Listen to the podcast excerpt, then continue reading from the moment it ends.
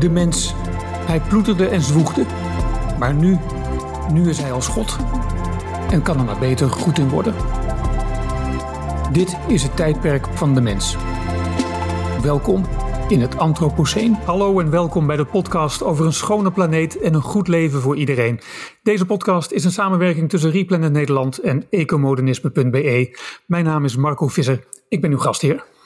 Vandaag hebben we niet één, maar twee gasten, Jan de schoolmeester en Thomas Rotier. Zij stonden aan de basis van de Vlaamse stroming ecomodernisten en schreven onlangs samen een boek, De wereld red je niet met minder.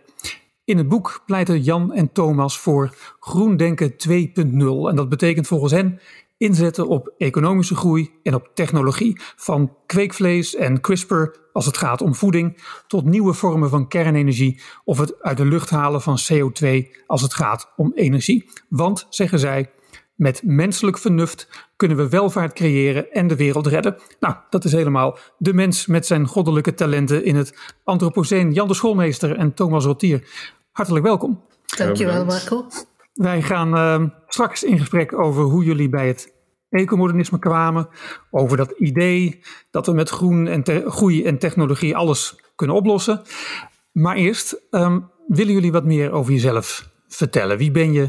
Wat doe je? Um, en laten we beginnen bij Thomas. Ja, ik ben dus Thomas Rotier. Ik ben van opleiding filosoof, filo, filosoof sorry. En ik heb samen met Jan uh, enkele jaren geleden uh, ecomodernisme.be opgericht, omdat we eigenlijk een uh, tegengeluid wilden bieden tegen de klassieke groene beweging. En ja, ik heb dus ook nog een tijdje in het onderwijs gestaan. En wat ik heel graag doe is communiceren over wetenschap en op zoek gaan naar oplossingen voor zeer prangende milieuproblemen of het klimaatprobleem. Mm-hmm. omdat ik vind dat ja, er wordt altijd wel heel veel gezegd wat het probleem is, wat dat er op ons zal afkomen qua klimaatrampen en zo. Maar er wordt mijn, zin, mijn zinziens uh, veel te weinig gepraat over de oplossingen. Ja, en, en je, je zei, uh, je hebt in het onderwijs gezeten, dat zit je dan niet meer nu. Wat heb je dan gedaan in het onderwijs? Uh, ik gaf geschiedenis en zedeleer aan de derde graad secundair. maar ik heb daar wegens gezondheidsredenen voor mee moeten stoppen. Ja. Uh, dus, maar ja, nu ben ik dus eigenlijk uh, auteur en filosoof, laten we zeggen. Ja, ja. En Jan de Schoolmeester? Wie ben jij en wat ja. ben jij? Um, dus ik ben Jan de Schoolmeester, ik ben een bio-ingenieur van opleiding. Hè. Um, en ik ben eigenlijk gespecialiseerd in chemie en bioprocestechnologie. Hè. Dus um, Momenteel uh, werk ik als, uh, heb, ik, heb ik eigenlijk een, een, vreemde sprong gemaakt als bio-ingenieur. Ik ben eigenlijk gaan werken als automatisatieingenieur. Maar nog steeds, um, ik automatiseer dus processen in de biotech en in de pharma. Um, zeer interessant werk. Um, want ja, dan helpen bijvoorbeeld mee met de bouw van een fabriek die monoclonale antilichamen produceert. Dus heel intrigerend. Uh, maar ik ga daar niet te diep op ingaan. Ik hoor het al, jullie zijn een perfect duo. Jij, Jan, ja. van de techniek en, uh, en Thomas is van de ethiek, hè? Inderdaad, ja. dus uh, wij vullen elkaar aan op dat vlak. Hè? Ja, en ook uh, wat mij ook aanspreekt in het ecomodernisme is die positieve mensvisie. Dus dat sluit ook wel een beetje aan bij mijn filosofie, dat we ja, het, de, de, potentie van de mens moeten realiseren. En dat we uh, ook nadenken van wat onderscheidt de mens van andere dieren op de planeet. En dan komen we automatisch uit bij ons menselijk vernuft. In mm -hmm. de, het feit dat we technologie gebruiken om uh, de omgeving te controleren of het leven voor ons aangenamer te maken. dus dat soort grote vragen, dat fascineert mij ook. Dus mm -hmm. Maar inderdaad, dus uh, Jan is eigenlijk uh, sterk in de cijfertjes en in de grafieken en in de harde wetenschap, laten we het zo zeggen. Ja, maar, maar dat, dat is ook wel iets wat ik, wat ik daar wel wil bij zeggen. Thomas heeft mij ook wel meer leren kijken door de filosofische bril. Hè? Dus uh, ja, hoe dat bijvoorbeeld de mens helemaal is doorheen de industriële revolutie gegaan en, enzovoort. Ik, ik, allee, als ingenieur staat je daar soms niet echt bij stil. En een filosoof is daar wel mee bezig met Mhm. wat is vooruitgang in de wereld. En dat vind ik wel een interessante insteek. Hè? Want ehm, Ja, ja, het, was, het was bijvoorbeeld Thomas die mij voor het eerst vertelde over Steven Pinker. En ik, ah, wie is Steven Pinker? Eh, dus eh, ja Steven Pinker is dus de, een Canadese psycholoog die ook zeer een vrij optimistisch eh, wereldbeeld heeft. En ook wel, zoals Hans Roosling, ons wereldbeeld eh, accurater wil maken vooral. Hè? Dat, dat we eigenlijk zien wat, voor vooruitgang er al geboekt is. Ja, en Pinker heeft daarover dat hele dikke boek geschreven. Hè? Ehm, Ons betere ik heet het volgens mij. Ja, en ook Verlichting Nu is van hem. Dat was, eh, dus ja, hij heeft een, ook een zeer wetenschapsgebaseerd wereldbeeld. Ja, En dat ja. spreekt me wel aan. En in het ene boek ehm, toont hij aan dat het eh, geweld enorm is afgenomen door de menselijke geschiedenis heen. En ehm, in het andere boek, Verlichting Nu, komt hij op voor allerlei ja, humanistische waarden, zou je kunnen zeggen, eh, zoals democratie en wetenschap. Ja, en, en rationaliteit en ehm, Ja. ja. ook het, het erkennen van vooruitgang. hè. In sommige progressieve kringen ligt dat nogal gevoelig, omdat zij denken van ja, als je vooruitgang erkent, ja, dan zal het activistische vuur om, de- om er een betere wereld van te maken verminderen. Mhm. Eh, ja, ik ben er helemaal niet van overtuigd. Het is juist door te in te zien dat, eh, dat er vooruitgang mogelijk is eh, en dat die ook echt gerealiseerd is, dat we kunnen kijken van ja, op welke manier kunnen we het nog beter maken? Kunnen we nog minder armoede, en ziekte en honger in de wereld hebben? Ja, nou, dit, dit biedt een mooi opstapje naar, eh, naar het boek dat jullie eh, samen hebben geschreven. Ehm, gefeliciteerd daarmee. De wereld red je niet Bedankt, ja. minder. Ik vind het een hele mooie aanvulling ook op de, nou ja, zeg maar de bestaande literatuur over ecomodernistische thema's. We noemden net al het boek van Steven Pinker, hè, Verlichting Nu. Ehm, jullie aanpak wijkt echt af dankzij wat je misschien wel het grote verhaal zou kunnen noemen. Hè? Dat jullie vertellen over de milieuproblemen van vandaag. ehm, over het ontstaan daarvan. Ehm, het boek begint bij het ontstaan van de mensheid. Hè? En hoe, wij, hoe onze soort evolueerde van ehm, eh, aap tot een eh, creatief en ja, soms ook destructief wezen. Dat voortdurend op zoek is naar ja, betere manieren om energie te verkrijgen die nodig is om het leven aangenamer te maken. hè. Jullie vertellen het, het grote, lange verhaal, eigenlijk een big history is het haast, van hoe wij gekomen zijn op de plek waar we nu staan in deze wereld. Waarom, waarom kozen jullie voor zo'n aanpak? En ik merk, het is vooral denk ik de aanpak die Thomas zo, eh, zo boeit. Klopt dat? Ja, dat, dat klopt zeker. Eh, ik ben een grote fan van Big History, mede door het boek van eh, David Christian. Dat is een Australische historicus, die eigenlijk eh, ja, de big picture echt eh, bekijkt, maar dan nog veel breder, hè, vanaf het begin van de kosmos en zo. Zo, zo breed eh, hebben we niet willen gaan, maar ehm, ja, de, de, de vraag eh, hoe dat de geschiedenis verloopt en wat dat de, de determinerende factoren zijn die bepalen of dat, een, of dat we welvaart verkrijgen of in armoede verkeren, dat, dat is wel een vraag die mij fascineert. En ook de rol van technologie en zo vind ik eh, heel interessant om daar na te gaan. En zoals Jan al zei, dus eh, de sleutelrol van de industriële revolutie, eh, die eigenlijk alles veranderd heeft. op, Ja, want eigenlijk was de mens, ja, ploeterde heel lang voort. Het, het ging allemaal ehm, mondjesmaat vooruit, maar eigenlijk bleven we toch heel lang leven als, als dezelfde onwetende boer die we, die we al heel lang, die we duizenden jaren waren. Daarvoor waren we natuurlijk jagers en verzamelaars, hè, voortdurend eh, weer rondtrekkend.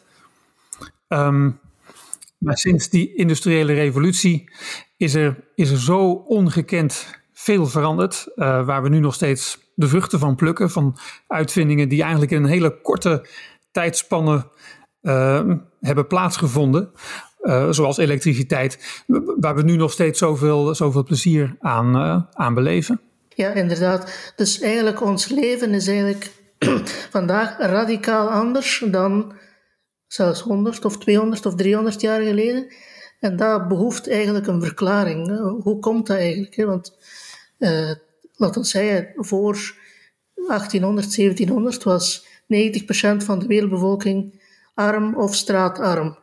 Dus uh, boeren leefden eigenlijk van dag tot dag en ze probeerden uh, juist genoeg eten te hebben voor zichzelf en hun familie. Maar ik, ik vind dat het, persoonlijk voor mij, ik, ik vind dat ik, dat ik het zelfs nog niet zo ver moet zoeken. Alleen maar als, al, als ik al kijk naar mijn eigen um, grootouders, hè, dan, dan, dan zie ik bijvoorbeeld wat dat. Ah, ja, wat dat, wat dat bijvoorbeeld, hè, ze, ze, hadden veel broers en zussen, en sommige broers en zussen die stierven, hè, of, of uh, um, en ook gewoon bijvoorbeeld het feit, hè, mijn, mijn grootvader die is gestorven op zijn 31 jaar in de Tweede Wereldoorlog. Aan, uh, omdat er geen penicilline voor handen was. Ja. Dus alleen maar al het feit dat, ja, dat wij die vooruitgang hebben gemaakt van mijn grootmoeder, langs, langs dan moederszijde, langs dus de andere kant, die is dan wel gered door penicilline. Dus eigenlijk hebben wij een ongelooflijke vooruitgang op heel korte tijd gemaakt. Hè. Uh, het, het, het ding dat, dat je gewoon kunt uh, gered worden um, van, van bepaalde ziektes, wat dat vroeger uh, helemaal niet kon. Dat is ondenkbaar uh, ja. eigenlijk. En dan is voor mij de, de sleutelvraag: waarom is die industriële revolutie begonnen? ze begon voor het eerst in Engeland. En daar, daar was eigenlijk uh, voor het eerst een soort uh, cultuur van groei ontstaan, waarin dat uh, handelaars en ondernemers relatief vrij waren om, uh, om te ondernemen en te innoveren. Uh, de tweede factor is natuurlijk ook fossiele brandstoffen, die onze energievoorraad spectaculair hebben verhoogd. Dus voor 1800 was de voornaamste energiebron hout en mest en, en spierkracht. Mm Dus ja. eigenlijk waren we afhankelijk van de zonne-energie die de planten hebben opgevangen uh, of op de bomen. En, uh, en, die konden we dan oogsten op het veld of, in, of door bomen te kappen. Maar in de fossiele brandstoffen zit eigenlijk de energie opgeslagen van miljoenen jaar oude plantenresten die zich eigenlijk hebben opgestapeld en die dan samengeperst zijn tot olie, aardgas en stinko. Mm -hmm. Dus eigenlijk die energie is, ja, dat is eigenlijk miljoenen jaren zonlicht verpakt in die fossiele brandstoffen. Ja, dus die energie is veel meer samengebald. Hè, dus zodat er veel meer energie hmm. zit in de kolen die je uit de grond haalt, dan uit een stuk hout dat je uit het bos haalt. Hmm. Ja, en ik denk dat die energieovervloed eigenlijk uh, voor, voor een heel groot stuk de basis van onze welvaart is. Uh, dan kunnen we elektriciteit maken, kunnen we ons huis verwarmen, kunnen we uh, meer voedsel produceren, kunnen we medicijnen maken enzovoort. En dat dat maakt dat het leven vandaag ja, tien, misschien wel honderd keer beter is mhm. dan, dan uh, enkele honderden jaren terug. Ja. Wat, zouden, wat, wat omschrijven jullie als uh, de boodschap van jullie boek? Ja, ik zou, ik zou eigenlijk zeggen hè, dat, dat de manier hè, waarop eigenlijk het, wat wij in, in, Vlaanderen het agalef noemen, hè, het anders gaan leven. Hè. Dus um, vroeger was de, de originele Groene Partij, die noemde zichzelf agalef, hè, van anders gaan leven.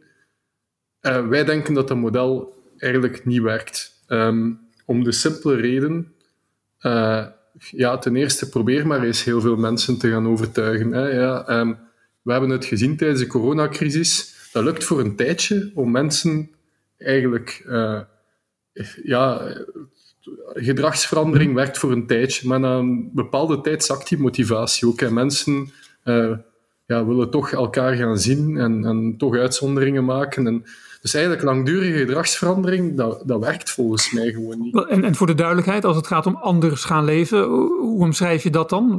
Wat is er dan anders? Goh ja, ik zou gewoon zeggen, hè, dat het anders gaan leven, dat zit meer in, in het kleinschalig gaan leven. Hè. Ja, je kent wel de, de, de groene voorstellen hè, van ja, uh, spaar je douchen, uh, hey, of, of ja, douche minder lang, uh, recycleer alles, um, ja, ga met de fiets enzovoort, en dan is het klimaat volledig gered. wij denken dat dat, oké, okay, dat zijn mo mooie zaken, hè, dat zijn, dat zijn dingen, als je die kunt doen, waarom niet? Hè? Maar um, wij denken niet, als je alleen maar zulke dingen doet, uh, gaat je de wereld eigenlijk niet redden. Het, het zijn, Niet, ja, het is eigenlijk te weinig. Het volstaat niet, omdat je eigenlijk aan de onderliggende fossiele infrastructuur raakt je eigenlijk niet. Um, of toch niet volledig, niet doortastend genoeg.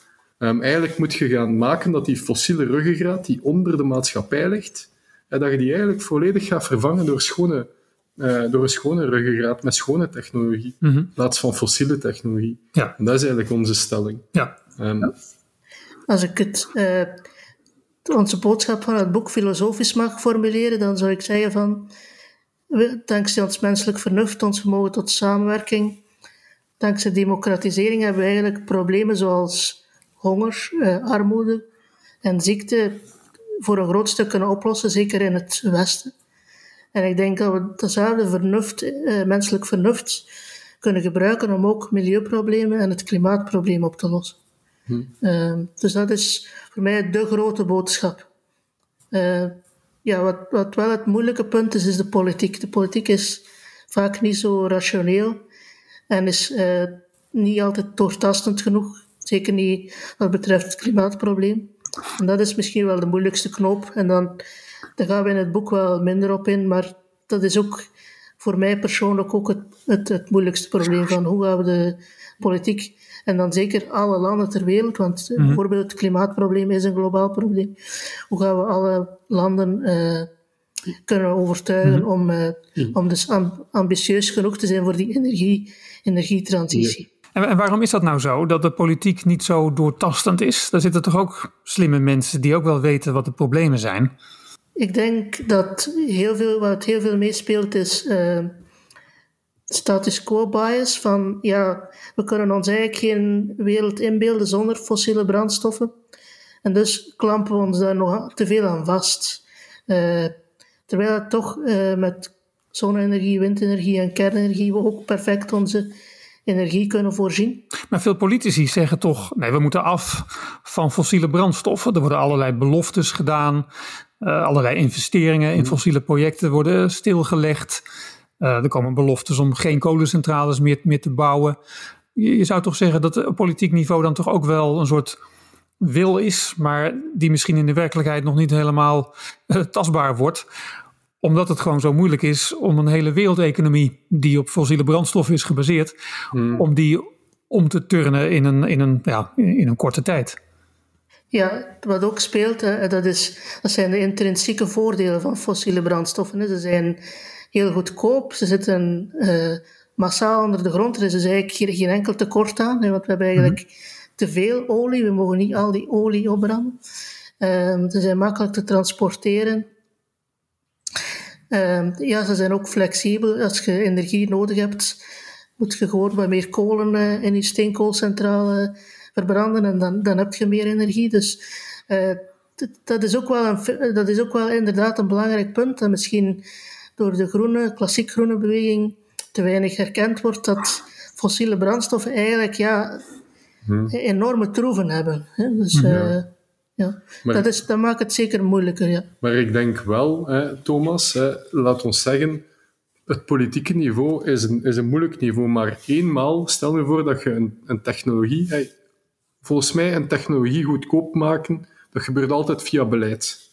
Maar als één land erin slaagt om bijvoorbeeld, stel nu voor, um, uh, kleine modulaire reactoren of zoiets, als één land erin slaagt om dat spot goedkoop te maken, of, of relatief goedkoop, hè, dan kan eigenlijk de rest van de wereld daar de vruchten van plukken. En dan omzeilt dat de politiek. Hè. Dus eigenlijk ehm, komt het erop neer om techno-economisch eigenlijk technologie goedkoop genoeg te maken. En dat we eigenlijk de politiek kunnen gaan omzeilen. Dat is de kracht van technologie. Dat is ook een, mhm. een belangrijk boodschap, denk ik, van, ay, in elk geval van hoe dat ik het, ons boek interpreteer. Um, ja, zeker. Um, maar dan komen we opnieuw weer terug bij de politiek, want het is eigenlijk... Ja. Uh, de overheid die veel meer zou moeten investeren in van die moonshots. Dus heel ambitieuze projecten om bepaalde uh, technologieën uh, schaalbaar en goedkoop te maken. Zoals hmm. bijvoorbeeld, uh, Jan zegt, die kleine kern, kerncentrales, die small modular reactors of kweekvlees hmm. of koolstof uit de lucht halen met speciale installaties en zo. Dus dat, mm dat ontbreekt een beetje. Ja, ik weet niet hoe, waarom, maar overheden uh, investeren nog te weinig in schone energie-innovatie.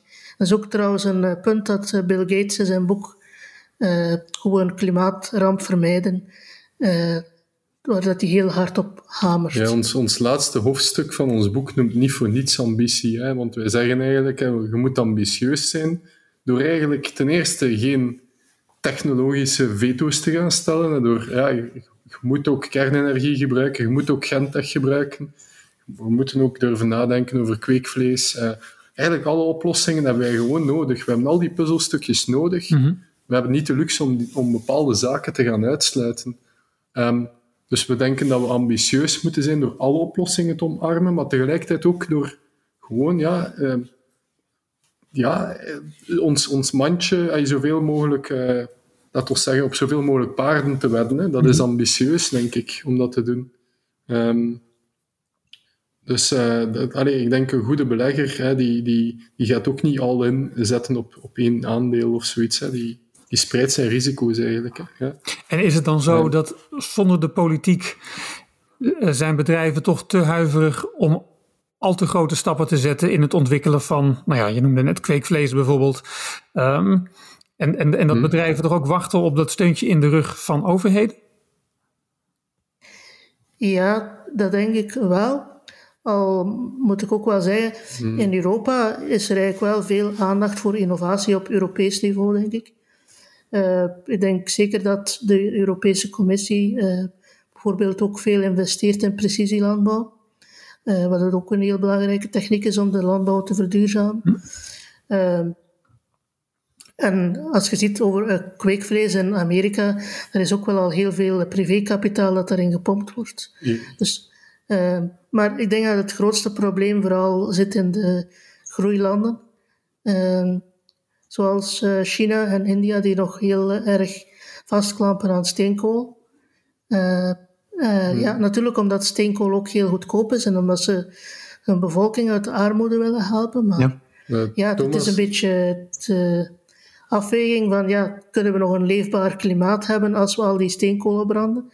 En hoe gaan we die mensen uit de armoede helpen in die, in die middeninkomenslanden en die arme landen? Ik dus denk dat wel, is een moeilijk dilemma. Ik denk wel, Thomas, tegelijkertijd kun je wel zeggen, China is een van de grootste bouwers van zonne- en windenergie. Hè. Dus, dus die, die zijn ook massaal hè, koolstofarme energie aan het, aan, aan het ja, laten we zeggen, een, een aandeel daaraan aan, aan het vergroten. Zij bouwen ook kernenergie uit en, en maar ja, natuurlijk, het probleem is die, is die steenkool, hè, dat denk ik ook. Hè. Ehm, maar misschien om op de vraag terug te komen hè, van, van, van dat onderzoek. ik, ik denk, en misschien dat ik er lichtjes anders naartoe kijk dan Thomas. Ik denk dat de overheid, wij moeten dus um, basisonderzoek, moet de overheid volledig uh, financieren. Maar dan eigenlijk komt je op het punt, hè, na dat basisonderzoek, dat je dus ja, dan moeten eigenlijk die toepassingen komen. Hè. En dan moet je eigenlijk hè, pilotplans gaan uitbouwen enzovoort. En eigenlijk dat punt is een van de meest cruciale punten. Hè. Dus tussen eigenlijk een uh, ja, basisonderzoek en tussen eigenlijk iets op de markt brengen. Hè. Er lopen daar nog vele stappen tussen. En dat is eigenlijk wat dat veel goede ideeën sterven. Hè. Ze noemen dat uh, de Valley of Death. Dus eigenlijk, um, stel nu dat, dat je, om op, op terug te komen op die moonshot van die, van die kernreactor, Stel nu voor dat ze een, een, een, pro, eh, dat ze een soort van uh, design uh, van, een, van een kernreactor uh, op papier zetten. En dan moeten ze dat eigenlijk nog gaan bewijzen dat dat werkt. Um, en ja, dan, dan zit je eigenlijk in een fase waar dat je vaak veel privaat geld van private investeerders nodig hebt. En soms raken ze daar gewoon niet aan. Dan worden die, dan worden die reactoren gewoon niet gebouwd. Mm. Dus dat is wat de overheid de rol in heeft, om eigenlijk die gap te gaan verkleinen. Mm -hmm. Dat risico eigenlijk ja, Te, te, gaan verminderen, uh, volgens mij. Um, met, met die focus hè, die jullie hebben op, op technologische innovaties, um, daarmee laden jullie waarschijnlijk ook de verdenking op je dat jullie ja, technofixers zijn. Hè? Jullie zijn techno-optimisten, want de techniek zal al onze problemen oplossen. Je kunt ook zeggen, de techniek heeft heel veel van onze huidige problemen juist mhm. veroorzaakt. Hoe reageren jullie op zulke, op, op, kritiek? Ja, ik ik, ik vind uh, Technofix niet, niet, zo problematisch eigenlijk. Uh, als je kijkt naar, bijvoorbeeld naar de geneeskunde. Uh, vaccinaties zijn eigenlijk ook een technofix tegen, ja, tegen epidemische ziekten zoals corona maar, of de mazelen of, of om het even welke infectieziekte. Dus ik, ik ben juist heel blij met die technofix.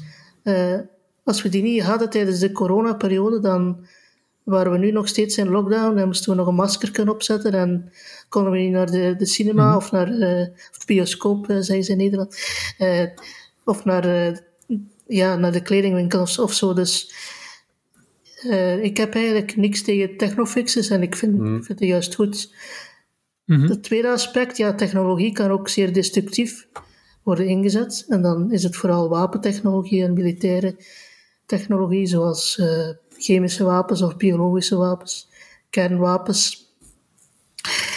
Ja, natuurlijk, we moeten technologie uh, inzetten voor humane doeleinden. Dat is evident. Dus er moet ook altijd een soort democratische controle zijn over, of een internationale rechtsorde die uh, ervoor zorgt dat technologie ja, niet wordt misbruikt. Dus voor mij is eigenlijk, uh, het is niet louter het technologische aspect, maar ook wel uh, het democratische aspect dat een, een, belangrijke rol speelt. Dat, uh, het is, allee, we moeten niet, onze boodschap is niet van, ja, laat de technologie, laten we de technologie ontwikkelen en dan komt alles wel goed. Mm -hmm. We moeten er ook met een, verant nee, op een verantwoorde manier mee omspringen. En misschien ja, ter aanvulling van die technologie is het ook wel belangrijk dat, uh, dat er ook een, uh, een, overheid is die aan milieuhandhaving doen, doet. Uh, we hebben hier in, in België de beroemde zaak van PFOS gehad, van die, die gifstoffen die in de Schelde zijn terechtgekomen uh, door, chemicals, uh, door 3M, dus een chemisch bedrijf. Dus ja, de overheid heeft daar jarenlang niets tegen gedaan. Ja, dat komt puur door nonchalance. Uh, maar wat wel een feit is, is dat rijke democratische landen over het algemeen meer milieubewust zijn, uh, zeker op hun eigen grondgebied dan, dan arme landen die er eigenlijk, uh, waar de overheid veel zwakker of corrupter is. En, en waar de zorgen misschien ook uh, niet zozeer uitgaan naar, uh, naar het milieu en al het plastic dat langs uh, de straten ligt. Maar ja. er zullen andere zorgen zijn en er zullen andere prioriteiten zijn ook, toch? Ja, de, de, mensen liggen daar misschien minder wakker van hoe schoon is de lucht, maar van, meer van de vraag van zal ik morgen nog eten op mijn bord hebben of zal ik hmm. mijn kinderen naar school kunnen sturen. Dus ze hebben niet die mentale bandbreedte om uh, om met milieuproblemen al te veel bezig te zijn of om mm -hmm. de overheid ter verantwoording te roepen. Ja. Dus daarom, uh, Jan zal dat misschien kunnen zeggen, de groene kusnetscurve, daar geloven wij ook ja. in. Dus als een land welvarender wordt en democratischer wordt, dan zal ook uh, milieu hoger op de agenda komen. Ze, laat ons gewoon zo, zo zeggen, eigenlijk een, een land hè, gaat door een soort van vervuilingspiek heen. Hè. Dus wij hebben dat ook meegemaakt. Hè, ja, dat ons eh, bijvoorbeeld over, over ons eigen energiesysteem hebben. Hè, dat, dat, dat, ja, op een bepaald moment hebben wij ook massaal steenkool zitten stoken hè, met alle luchtvervuiling van dien. Mm Maar onze luchtvervuiling nu is beter aan het worden. En naarmate dat we ook ons transport gaan, gaan elektrificeren, gaat die luchtvervuiling van wagens ook gaan dalen. En uiteindelijk komen wij dan in een steeds ja, welvarendere maatschappij, hè, op, op, op groen vlak dan, hè, op ecologisch ja. vlak terecht. Hè. Schoon, dus, ja.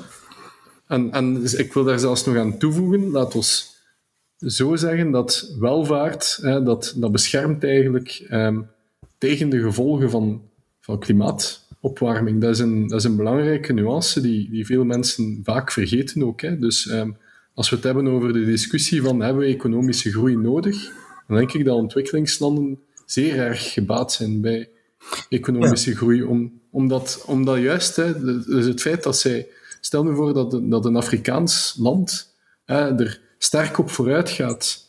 Um, en dat zij door die welvaart die zij hebben, hè, dat zij met droogte veel beter, hè, veel resistenter kunnen omgaan, minder vatbaar zijn voor die droogtes. Dus dat is een win-win, denk ik.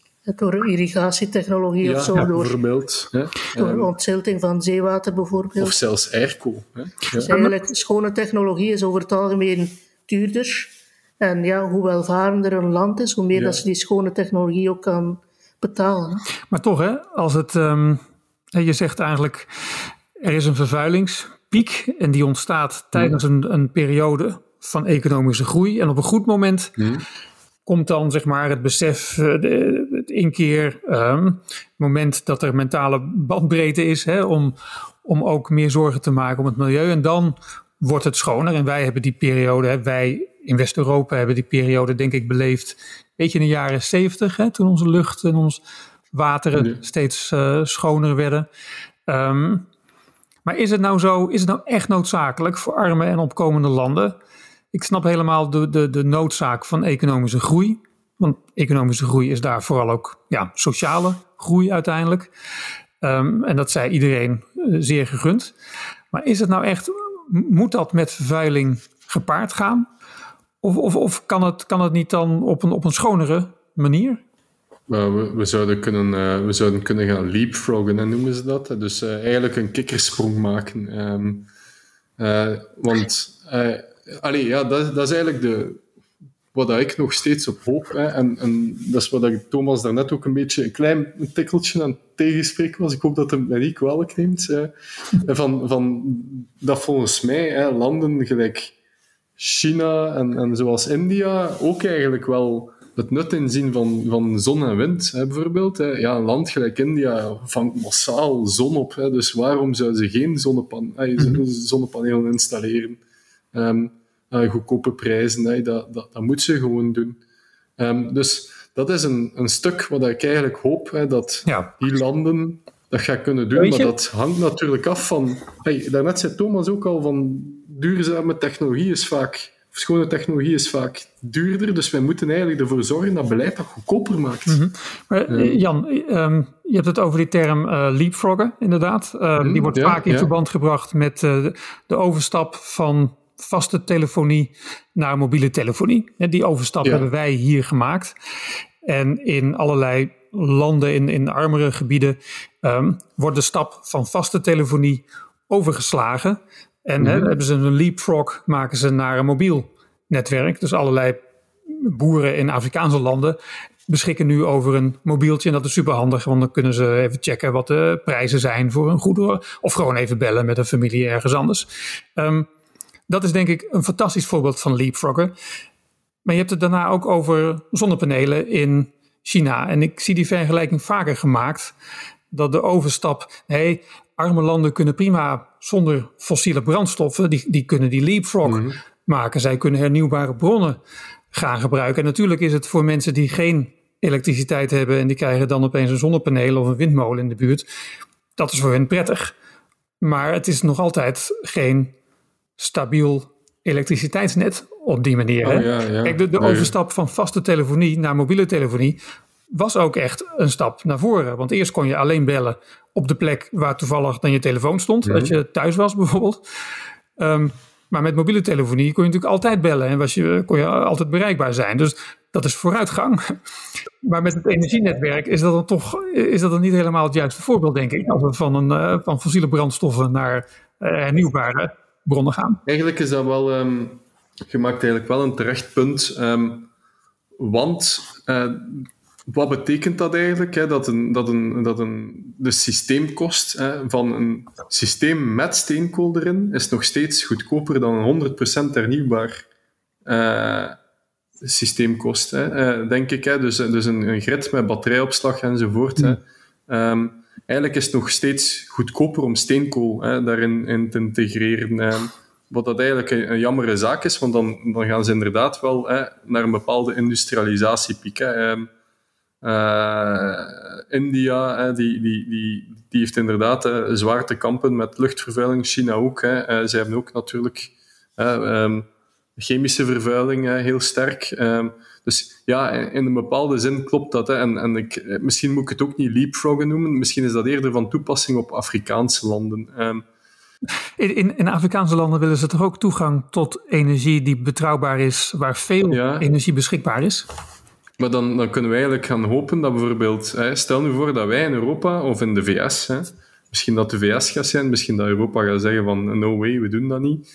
Um, maar dat wij die SMR's goedkoop maken. Hè, want dat betekent kleine modulaire kernreactoren. Ja. ja, die kleine modulaire kernreactoren. Want als bijvoorbeeld een land zoals Vietnam, hè, als die een gigantische kerncentrale moeten gaan bouwen en daar een gigantisch bedrag moeten tegenaan smijten, hè, dan, dan gaat dat moeilijker zijn dan gewoon hè, reactoren en, schijven te betalen. Hè. Dus een, een, kleinere, een, ja, een kleine modulaire reactor kost mhm. gewoon goedkoper. Dus dat is gemakkelijker om dat op te hoesten dan een heel groot bedrag.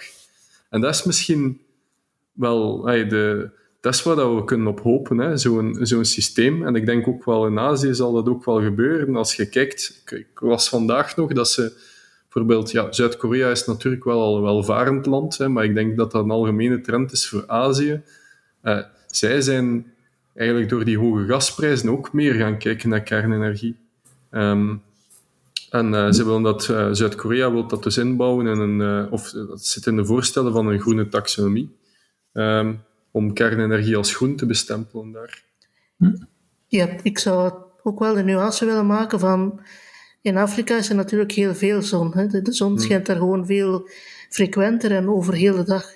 Dus dat is niet zoals bij ons dat ja, uh, drie vierde van de tijd bewolkt is en één vierde zon of, of één vijfde. Uh, dus ze hebben daar wel, ja, laten we zeggen, een goudmijn aan zonne-energie die ze hmm. wel zeer goed kunnen benutten. En dan kunnen we dat dan eventueel nog, of, of zeker aanvullen met uh, kernenergie ook. Dus uh, of dat die leapfrogging ook zal gebeuren, dat is onzeker. Uh, ik hoop natuurlijk van wel, iedereen hoopt van wel.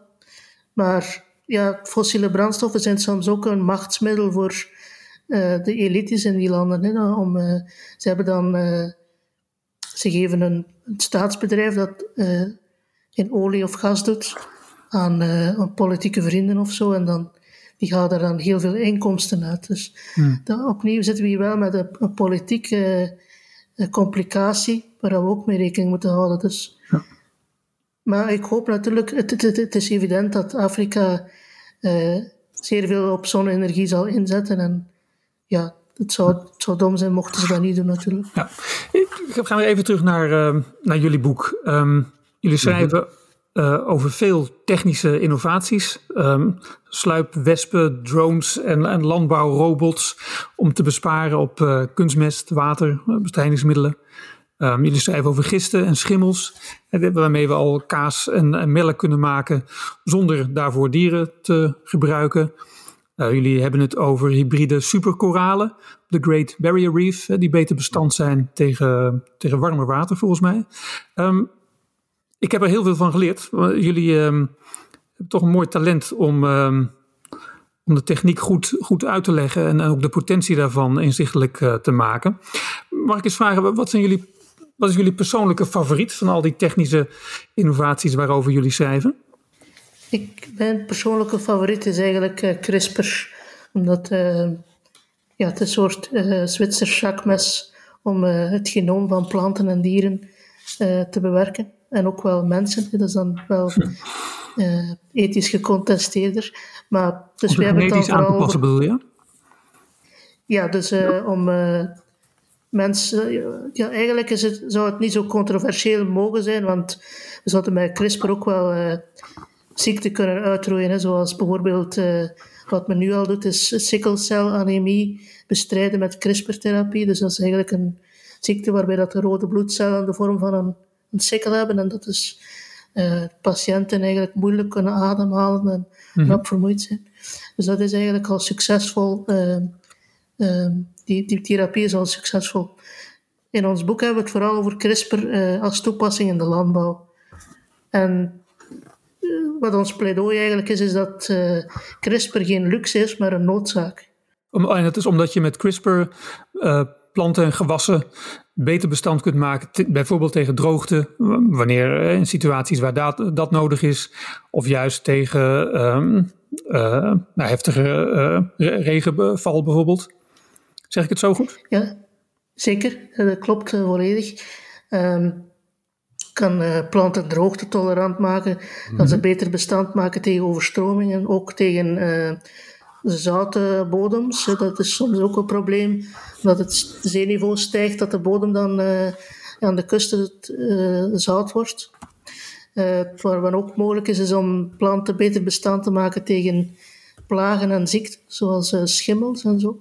Mhm. bijvoorbeeld wat, wat CRISPR eigenlijk uniek maakt, is dat je heel precies kan werken en heel ehm, goedkoop, relatief goedkoop. Er, was al gentechnologie, de zogenaamde GGO's, genetische modificatie, maar CRISPR is eigenlijk nog veel preciezer en uh, biedt veel meer mogelijkheden ja, nog. En het hoeft eigenlijk ook geen soort vreemd DNA. Uh, het heeft daar ook geen nood aan. Hè? Um, ja, het soort vreemd DNA is dus uh, dat we bijvoorbeeld een gen van een bacterie gaan inbrengen in een maisplant. Ja, maar, maar met CRISPR en met gene editing heb je dus eigenlijk, um, bewerkt je eigenlijk het DNA van die plant zelf, hè, zonder daar mhm. DNA van een of ander ander organisme, hè, zoals een bacterie, een, plant, een andere plant of uh, ja, ja dus dat kunnen vergelijken. De, de genetische code is een Word-document en dat kun je met woorden en lettertjes gewoon plakken uh, precies op de plaats waar dat je wilt. Ja. je hoeft eigenlijk geen vreemd DNA van een andere soort te gebruiken. Je kan gewoon knutselen met materiaal dat je hebt. Hè. Dus, uh, en ja. Uh, ja. ik denk dat CRISPR echt wel uh, revolutionair zal worden. Als ik ehm, mijn, mijn stokpaardje van in het boek zou, zou willen zeggen, of zou willen kiezen in elk geval, dan zou het toch wel um, Gentech voor natuurbehoud zijn. Dat, dat is iets... Um, ja, ik, ik wou dat absoluut in het boek. Hè. Uh, Thomas weet dat, hè, maar al te goed. Ik heb daar heel veel op gehamerd. Hè. um, maar ik vind dat een, een, eigenlijk een, een, een oplossing eh, die niet vaak wordt voorgesteld of die nog te weinig wordt voorgesteld. Uh, een voorbeeld? Wat is het? Ja, ja bijvoorbeeld... Um, ja, je hebt, je hebt de Amerikaanse kastanje bijvoorbeeld, die, die ja, uh, vroeger uh, was die talrijk uh, aanwezig aan de, aan de Oost-Amerikaanse kust. Um, die is dan uiteindelijk is die, is die eigenlijk ja, ecologisch is die functioneel uitgestorven. Dus vanaf dat die, vanaf dat die maar dus die, die, die wortels van die, laat mij anders zeggen eigenlijk, um, die, die Amerikaanse kastanjes, die zijn destijds door eigenlijk een invasieve schimmel, afkomstig uit Japan, zijn die één voor één geveld geweest. Hè. Dus begin, uh, ja, begin 20e eeuw was dat. Hè. Ja, er waren miljarden bomen die, die groeiden op de flanken van de Appalachiëngebergte. Ja, en, en daar eigenlijk, hè, dus um, dat is eigenlijk het, het, het punt. Hè, um, dus die invasieve schimmel, die heeft eigenlijk die Amerikaanse kastanje, um, dat wil zeggen, hè, die groeit als een soort van ring rondom die boom, hè, waardoor dat die eigenlijk alles verstikt wat naar de bovenkant van die boom wilt gaan. Mhm. Dus um, wat ze nu nog zien is dat er blijkbaar dat er nog wortels, hè, uh, wortelgestel hè, nog overleeft van zulke bomen. Hè, maar telkens als zo'n boom scheuten probeert te doen, of als zo'n... Ja, dan, dan, dan ja, die schimmel die, die snijdt dat gewoon weer mhm. volledig af. Dus zelfs moest er een kastanje op de grond vallen, en dan is die eigenlijk gewoon gedoemd om die schimmel um, um, op zich te krijgen en, en gewoon, uh, dus, dus, die kan mhm. zich niet meer voortplanten, die boom. Um, dus wat dat, hebben ze gemerkt eigenlijk, is dat door een bepaald gen in te brengen, um, die eigenlijk uh, de stof in, van die schimmel, dus ook zaalzuur, uh, neutraliseert. Um, ja, dus die, die, gebruikt, die schimmel gebruikt een soort van zuur om zich doorheen die boom heen te banen. Hè. En eigenlijk is het dat wat ze neutraliseren. Maar die, die, dus eigenlijk met de Gentig-oplossingen ehm, ja, kunnen ze er eigenlijk voor zorgen dat die schimmel toch nog op die boom kan blijven leven. Ehm, en toch, uh, doordat dat zuur geneutraliseerd wordt, ehm, ja, allee, eigenlijk geen schade aanricht aan die boom. Mm en, dus- en, dat vind ik wel een, een goede oplossing, want de hybride oplossingen waren eigenlijk niet zo sterk. Hè. Ze die proberen kruisen met de Chinese kastanje, maar die gedijden gewoon niet goed in die Amerikaanse dingen. En die lijkt ook gewoon niet zo hard op die originele Amerikaanse kastanjeboom.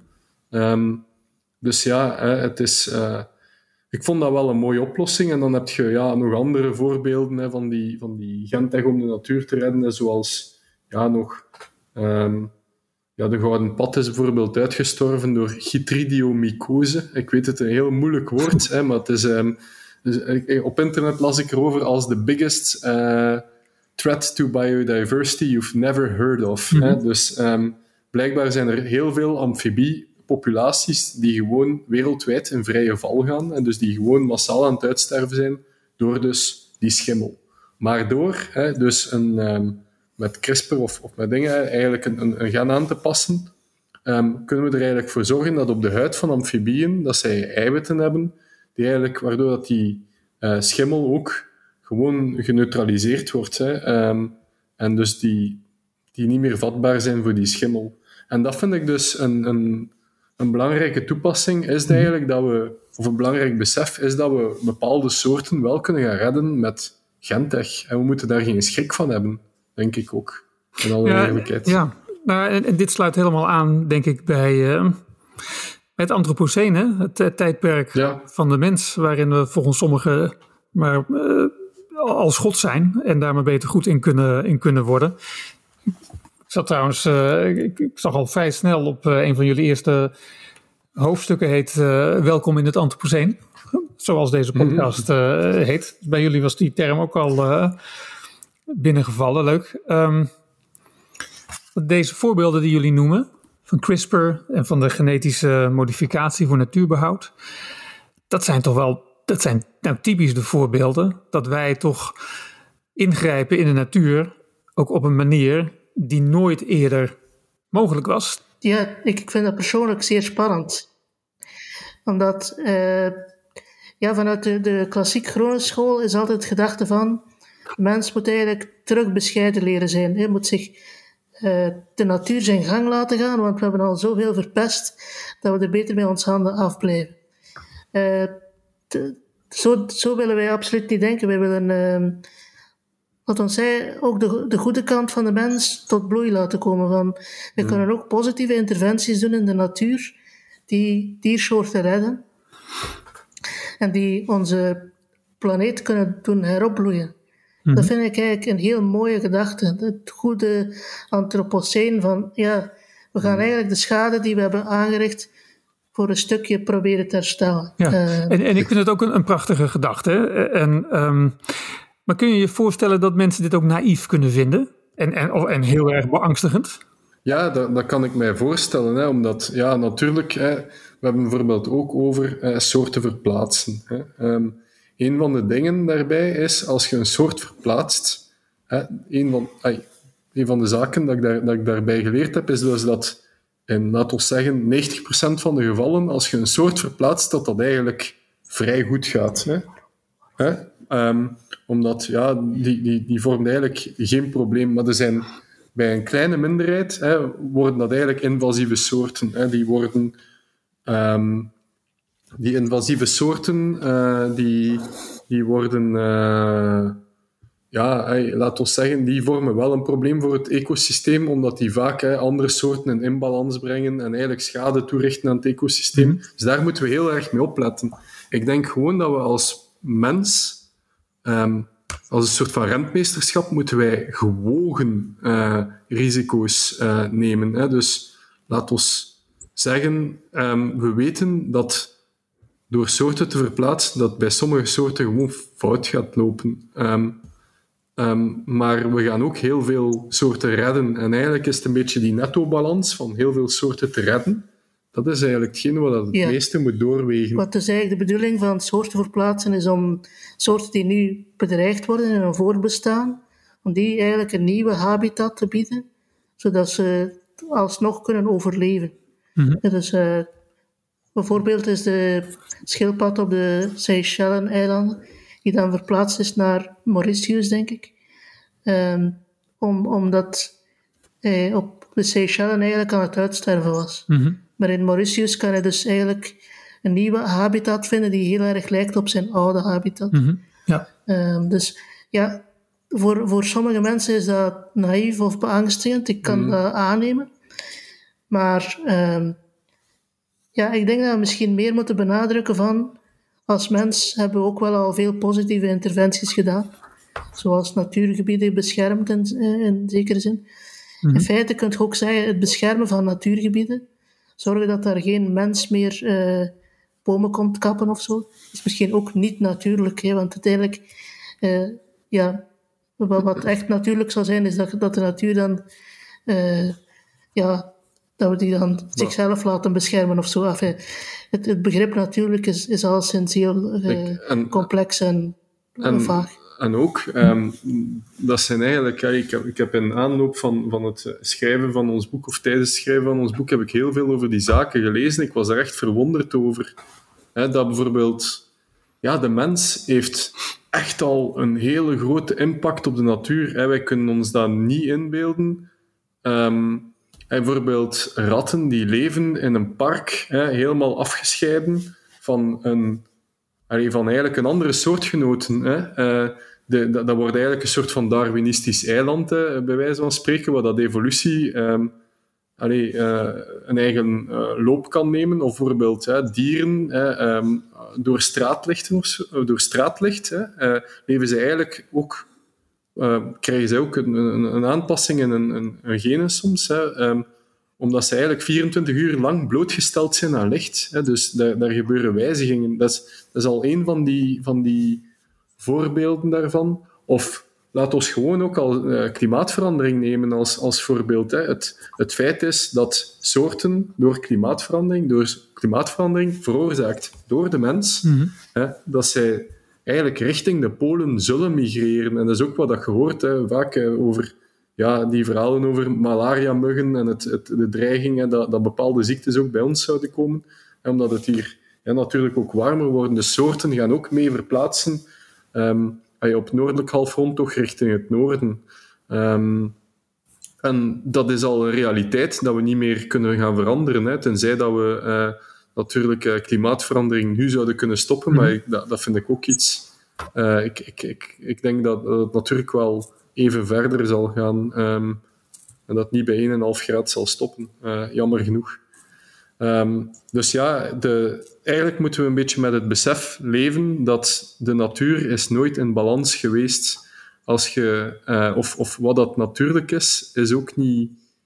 Allee, wij hebben een bepaald beeld van wat is natuurlijk, maar als ik u nu bijvoorbeeld eens zeg dat um, drie miljoen jaar geleden um, ja, allee, ja, laat ons zeggen, uh, sloot Noord-Amerika aan op Zuid-Amerika en vormde dus het, het, uh, de Panama-brug, mm dus ter hoogte van Panama.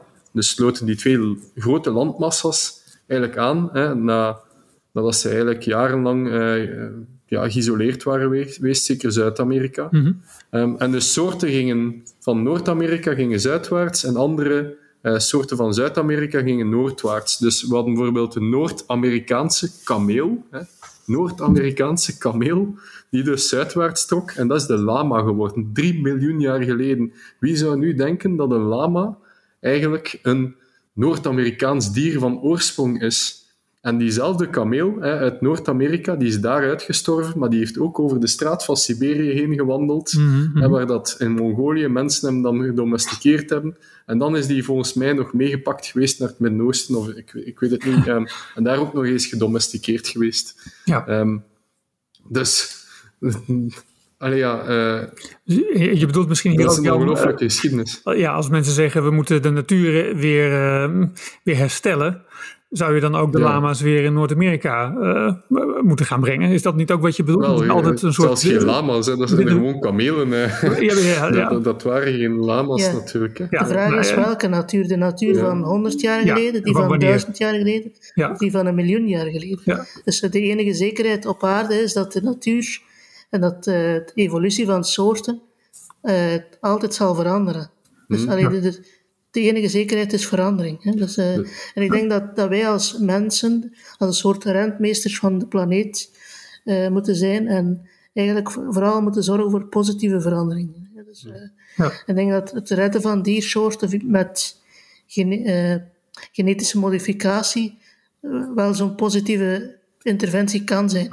Ja, en ik, ik denk ook gewoon, het, het punt eigenlijk dat, dat ik misschien wil maken is, als je nu een kameel in Noord-Amerika zou plaatsen, zouden mensen nu compleet zot verklaren. Die zouden gewoon zeggen van, hey, dat is toch niet natuurlijk, hè? waarom zou je dat nu in godsnaam gaan doen? Ehm, terwijl ja, drie miljoen jaar geleden, of ja, ik denk dat ze misschien wel een paar miljoen jaar geleden, uh, of meer uh, geleden, daar rondliepen, maar was dat mhm. gewoon normaal daar. Hè? die, die, die liepen daar gewoon rond. Um, dus wat, wat dat natuurlijk is, is relatief. Hè? De, de, voorbeelden die jullie noemen van technische ontwikkelingen, ook die jullie zo aansprekend vinden. CRISPR kwam, kwam voorbij, uh, Gentech en, en, en meer. Um, het zijn allemaal technische oplossingen voor problemen die je ook met gedragsveranderingen helemaal niet kan oplossen. Gedragsverandering is eigenlijk maar een heel, ja, het, het, is natuurlijk sowieso een beperkt middel, zelfs als iedereen aan die gedragsverandering meedoet. Ehm, maar zelfs dan gaat het meer om dat de impact van de mens wat minder wordt. Maar het gaat nog helemaal niet om het oplossen van problemen die er zijn. Dus eigenlijk zijn jullie veel ambitieuzer dan mensen die pleiten voor gedragsverandering. Zien jullie dat ook zo? Ja, in zekere zin wel. Uh, en ook, uh, wij verzetten ons ook tegen bepaalde schijnoplossingen. Uh, dus CRISPR gaat dan bijvoorbeeld over de landbouw te verduurzamen.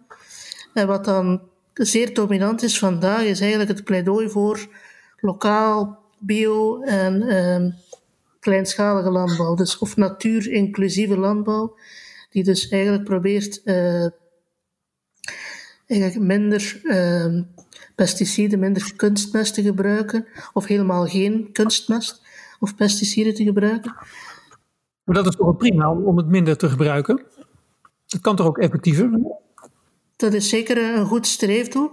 Uh, bij de biolandbouw is het natuurlijk volledig verboden. Hè? Dus uh, om eh, synthetische pesticiden of kunstmest te gebruiken. Dus mm wat er dan vaak bij verzwegen wordt, is dat de biolandbouw dan veel minder productief wordt. En dat je dus voor dezelfde hoeveelheid voedsel veel meer landbouwgrond nodig hebt. En dus moet er ook natuur sneuvelen om die landbouwgrond uh, te kunnen hebben. Dus wij pleiten dan eigenlijk eerder voor de precisielandbouw.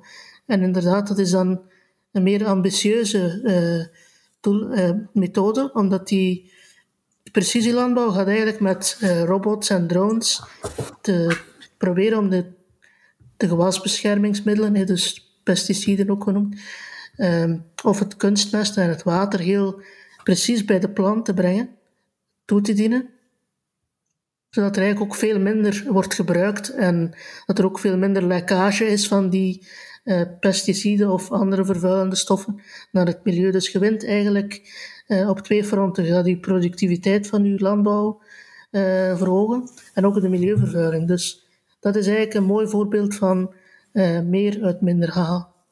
Of wat dat ook wordt duurzame intensivering genoemd. Ja.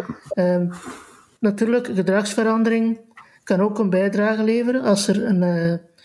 maar dan dan, dan zou ik eerder pleiten voor een prijsprikkel. Dus in de, in de vorm van een milieutax of een koolstoftax als vervuilende producten duurder gaan worden. En dat zien we natuurlijk nu noodgedwongen door de energiecrisis. Gas wordt veel duurder. Dan gaan mensen ook uh, veel sneller naar die alternatieven grijpen, zoals uh, zonnepanelen of een warmtepomp. Uh, en ja, hoe goedkoper dat die warmtepompen worden, hoe meer mensen dan ook zo overschakelen. dat, dat, vind ik eigenlijk, eigenlijk wel interessant, Thomas, want die hoge gasprijzen die we nu meemaken. Iemand zei mij ooit eens van ja, kijk Jan, je moet wel een, een koolstoftax, of, of laten we zeggen ETS, dus het emissie, uh, emissiehandelssysteem van, van de Europese Unie, die eigenlijk een prijs plakt op een ton CO2. Naarmate dat wij in de toekomst eigenlijk naar die hoge uh, prijzen gaan evolueren hè, van uh, honderden euro's hè, per ton CO2, dat gaat eigenlijk het, het gaat eigenlijk het kunstmatige equivalent zijn van hoge gasprijzen. En dus dan gaan wij, um, dan moeten wij eigenlijk, um, eigenlijk moeten wij nu gaan investeren in uh, hernieuwbare energie, kernenergie, uh, warmtepompen, elektrificatie, uh, dus ook elektrisch transport enzovoort, door elektrisch rijden. Um, moeten wij dat nu doen?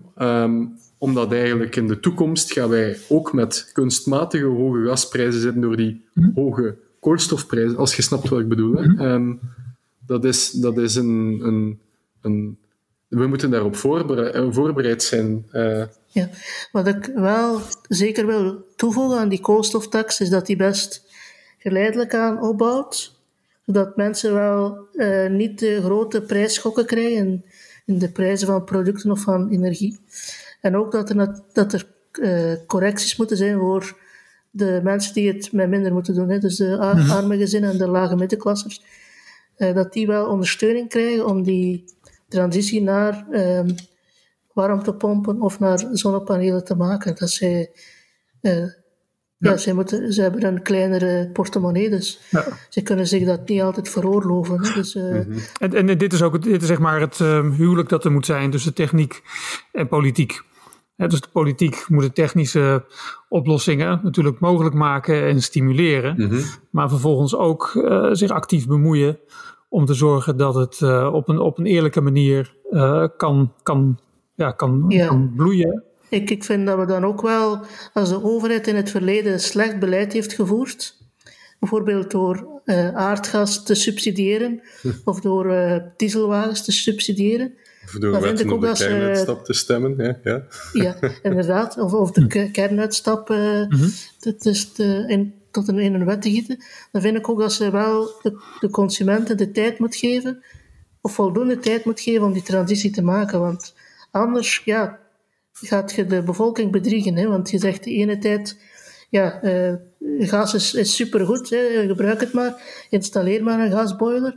En dan uh, twee, drie jaar later is, zeg je, ja, het is niet meer goed, je moet allemaal een warmtepomp mhm. gaan aanschaffen. Dus er moet wel een, uh, ja, een menselijke tra transitie zijn, een tempo van transitie. Ja, oké. Jan de Schoolmeester en Thomas Rotier, fijn dat jullie vandaag te gast wilden zijn bij Welkom in het Anthropoceen. Bedankt. En u, luisteraar, koop dat boek De wereld red je niet met minder. Maar vooral bedankt voor het luisteren. Voor meer afleveringen van onze gesprekken over een schone planeet en een goed leven voor iedereen kunt u zich abonneren op Welkom in het Anthropoceen via ons kanaal op Spotify, SoundCloud of YouTube of zoek ons op bij andere bekende platforms voor podcast. Oude afleveringen zijn ook terug te vinden onder onze vorige naam Studio Ecomodernisme. Deze podcast is een samenwerking van Replanet Nederland en ecomodernisme.be. Met dank aan Roman van Ree voor de techniek. Hartelijk dank voor het luisteren. Graag tot een volgende keer.